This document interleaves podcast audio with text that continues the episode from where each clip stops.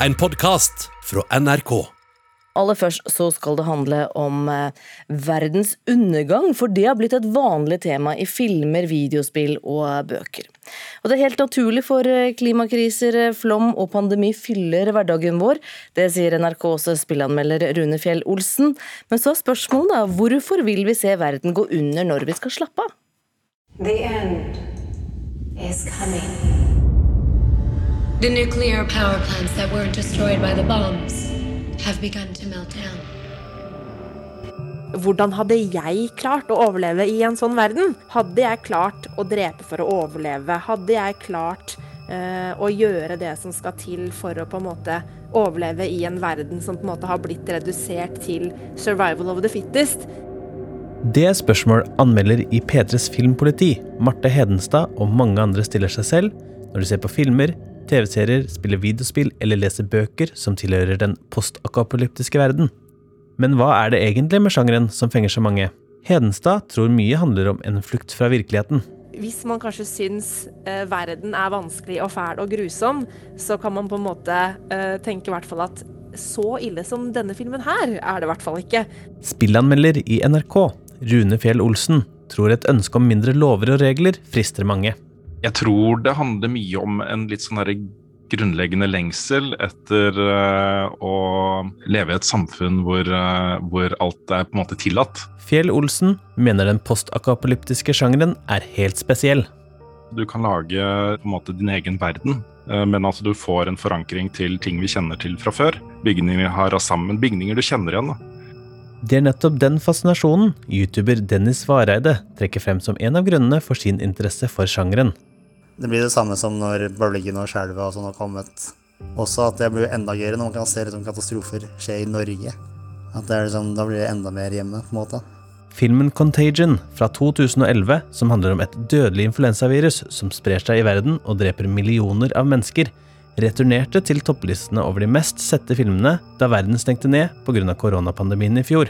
Det er ikke tilfeldig, mener Hedenstad. Jeg tipper at det er en slags snev av forberedelse i det. Sånn se hvor ille kan du gå? Hva skjer hvis det går så ille? Men postakopolyptiske filmer, spill og bøker handler ikke bare om død, zombier og elendighet. Det er også en form for kritikk av dagens samfunn, sier Vareide. Det har ikke noe å si hvilke monstre som er der ute. Vanligvis er det menneskene som er det største monsteret. Mennesker er egentlig villige til å ødelegge seg selv bare for å få vinning. Så de prøver jo ofte å få litt sånn samfunnskritisk på eh, hvordan både vi fungerer og systemet fungerer. da. At vi mennesker er ganske dumme sånn egentlig. Reporter Jonathan Gåthaug Nilsen. Kristin Berg, programdirektør for eh, Nordisk film og kino. Velkommen til Nyhetsmorgen. Takk for det. Du har jobbet i kinobransjen i hele ditt voksne liv og får lov til å velge hvilke filmer som får rulle over eh, kinolerretet her hjemme. Hvilken plass har denne type filmer for deg? Vet du hva, jeg ser, jeg ser, jo egentlig alle typer filmer, for det er jo mye av jobben min. Det å vurdere en films potensial, som det heter. Og jeg var også en av de som så Contagion i mars sammen med familien. Eh, og vi satt liksom Å, nei, se der, ja, det er sånn det smitter. Og det er den der gjenkjennbarheten i den type situasjon. Så, ja, For det er en film om smitte? Det er en film om smitte, og den, eh, den, er jo en eh, ganske gammel film egentlig, men eh, med Gwyneth Paltrow. Men den var så veldig lett gjenkjennbar, så der tror jeg liksom noe av nøkkelen til at alle satte seg hjemme i stuene sine og utfordret seg selv litt uh, i den situasjonen. Du, det er jo mange filmer opp igjennom med dommedag som tema. Hvor populær er denne type film, da? Oh, det er så forskjellig, fordi det er jo mange typer film om dommedagstema. Du har jo de litt mindre filmene som kanskje det filminteresserte publikum ser, eller bokinteresserte, sånn som f.eks. The Road, uh, som kom i um, Det var på 20 i 2010, det er en, bok basert på en bok av Cormac McCarthy. Den ble sett av f.eks. 29 000 mennesker, men det var det bokfolket som kanskje mest så, fordi de hadde et forhold til boken. Eh, Lars von Triers 'Melankolia', som også kom på 2000-tallet, eller litt senere, eh, der verden også går under, men det er jo et lite drama, et familiedrama egentlig. Men så har du de store, spektakulære filmene. Eh, vi kan jo gå ta de eh, som vi kjenner til her hjemme, 'Bølgen og skjelvet', som ikke nødvendigvis hele verden går under, men et lite samfunn går under, eh, som ble sett av veldig mange. Eh, bølgen ble sett av eh, nesten 850 000, og skjelvet litt mindre, men allikevel. Så de er populære. Hva er det som fenger da? Jeg tror, altså sånn som både Bølgen og Skjelvet f.eks., de hadde jo med utgangspunkt i en familie. Så det er lett gjenkjennbart. Og hva ville jeg gjort i en sånn situasjon? Så du, du får et forhold til disse menneskene. Uh, så det var det geniale i de filmene. Altså, samtidig det spektakulære, store, og det gjorde også til at veldig mange ønsket å se disse filmene. Men er det en, en målgruppe som dette treffer eh, bedre enn andre? Jeg vet ikke, sånn, altså De store spektakulære filmene med, både de, den indre på en måte, historien, eller en eh, familierelasjon f.eks., som har de store effektene, fenger jo både spesielt kanskje ungdom, og det er veldig fint, for vi trenger ungdom på kino, men også det kanskje litt mer voksne publikummet, fordi man kan identifisere seg. Men så har du litt, de litt mindre filmene, som f.eks. Lars von Triers film 'Brankolia', som jeg snakket om, som kanskje fenger et mer Fordi det er roligere og mer dempede filmer, som kanskje det er det mer filminteresserte publikummet som ser.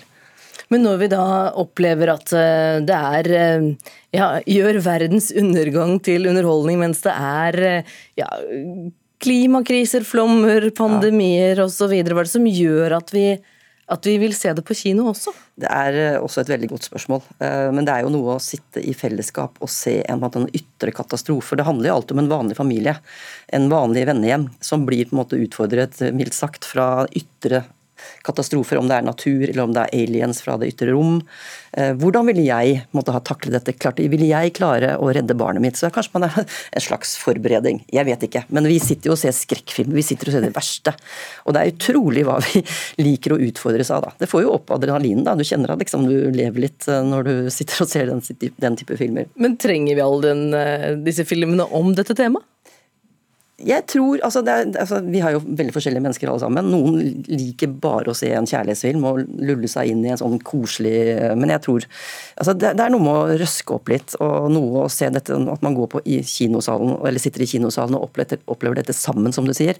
Det tror jeg er også ganske magisk. Da kan man gå ut, snakke om det etterpå og få ut uh, vi ser både frustrasjoner og Det er jo veldig sånn en samlende ting, det å gå på kino. Og du blir jo omsluttet når du sitter der i kinomørket. Og det at det er liksom det som gjelder da. Det er ingen mobiltelefoner, det er ingen andre ting som gjelder. Det er den ene er opplevelsen. En stor opplevelse. Du kjenner på litt forskjellige følelser da. Det er ganske deilig.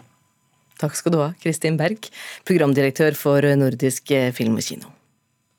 Vi skal holde oss litt innenfor eh, samme sjanger for eh, true crime-litteratur, eller eh, virkelighetskrim. Det har jo lenge blitt sett på som litt lurvete og preget av lav kvalitet, men de siste årene så har sjangeren fått nytt gjennomslag, og særlig da innen podkast og TV-serier. Men også på bokfronten så finnes det noen skikkelig gode bøker om krimhistorier fra virkeligheten. Litteraturanmelder her i NRK, Ola Hegdal, anbefaler oss nå tre bøker fra de siste par årene. Aller først så skal vi til Sverige på 1960-tallet. Vi har jo kjempet her for å skape et land der medborgerne kan kjenne trygghet. Vi starter i Sverige med boka 'Drapene i Søndagsvegen' av Peter Englund. I 1965 var Sverige et av verdens mest eh, framgangsrike og sjølsikre land, men et stygt drap i en idyllisk forstad til Stockholm skulle skake opp eh, idyllen. Englund eh, skriver Sverige hadde mistet uskylden, for hvilken gang kan forbli usagt. Som historiker er Peter Englund mest kjent for å skrive om kriger og slag, her viser han at han også behersker kunsten å skildre virkelige mord og oppklaringa av dem, samtidig som han tegner et eh, både skarpt og ømt bilde av et Sverige fra ei anna tid, ei tid da de kjørte på venstre side av veien og kunne kjøpe amfetamin på apoteket.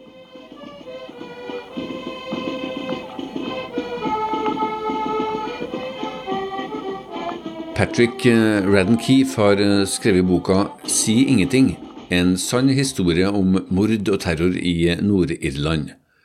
Ei eh, irsk enke og tibarnsmor blir bortført og drept.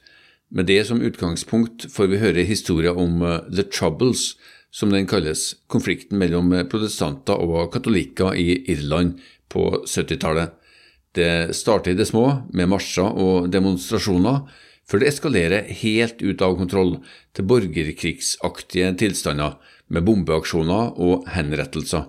IRA framstår mer og mer som en fare for seg sjøl og egen befolkning enn som en trussel mot engelsk styre. Radden presenterer det komplekse stoffet med saklighet og innlevelse, ja, til og med med en mørk humor.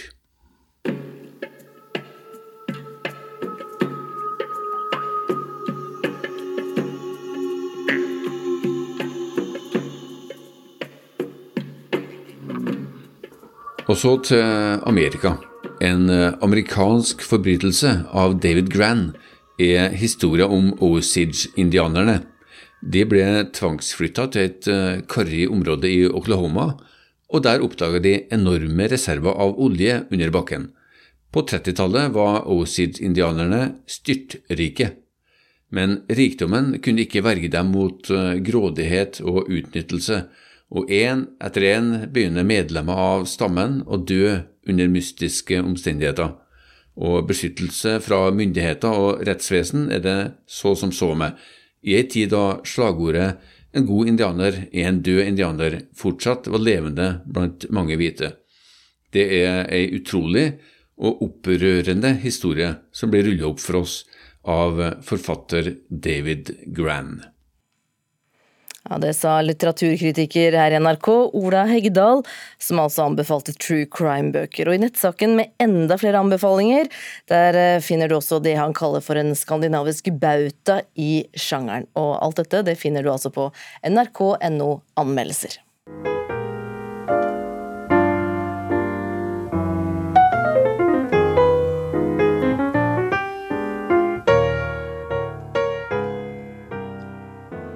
Og det er toner fra jazzlegenden eh, Munch du hører eh, her. I forrige uke så ble det kjent at eh, artistens liv skulle bli film, men nå nå er det skjær i sjøen for eh, filminnspillingen, reporter Meneve Gildis. Ja, det stemmer. I begynnelsen av forrige uke så gikk eh, produksjonsselskapet eh, Jupiter Rising Film ut og sa at de ville lage en film om Munchs liv, og at det var den amerikanske rapperen Yasin Bey, som tidligere var kjent som Mostef, som skulle spille den Eller fikk det ærefulle oppdraget med å spille jazzmusikeren. Men nå trekker artisten seg fra filminnspillingen saken etter kraftig kritikk fra Munchs familie. Det skriver magasinet Pitchwork. Ok, hva, hva, er det kritikken går ut på? Kritikken kommer fra eh, Munchs eh, sønn, TS Munch, som sier at han rett og slett hater det manuset som er skrevet, og at de som familie ikke har blitt involvert i prosjektet, og sier at de fordømmer eh, denne filminnspillingen. Og denne kritikken den, den går da også rett hjem hos uh, hovedrolleinnehaveren? Eh, absolutt. Yasin Bey sier at hvis ikke Munchs uh, etterlatte ikke er fornøyd med prosjektet, så er ikke han heller det. They condemn the project. Um, so let me be clear. If the Monk estate is not happy with it, if Mr. Monk III is not happy with it, then neither am I. Videre så sier eh, artisten at han er sikker på at eh, eh, var sikker på at produksjonsselskapet hadde fått familiens velsignelse til å spille inn denne filmen, her, filmen, og han sier også at han er veldig skuffet over at det faktisk ikke stemmer, ifølge familiens uttalelser. Og Derfor så trekker han seg fra produksjon med umiddelbar virkning. Ja, så hva skjer videre nå, da? Eh, det er ikke helt klart ennå. Produksjonsselskapet har ikke uttalt seg om saken. Eh, filmingen skulle etter planen starte neste sommer, men nå ser det ut som om de kanskje må finne en ny hovedrolleinnehaver, eller bare rett og slett inkludere familien til eh, Munch.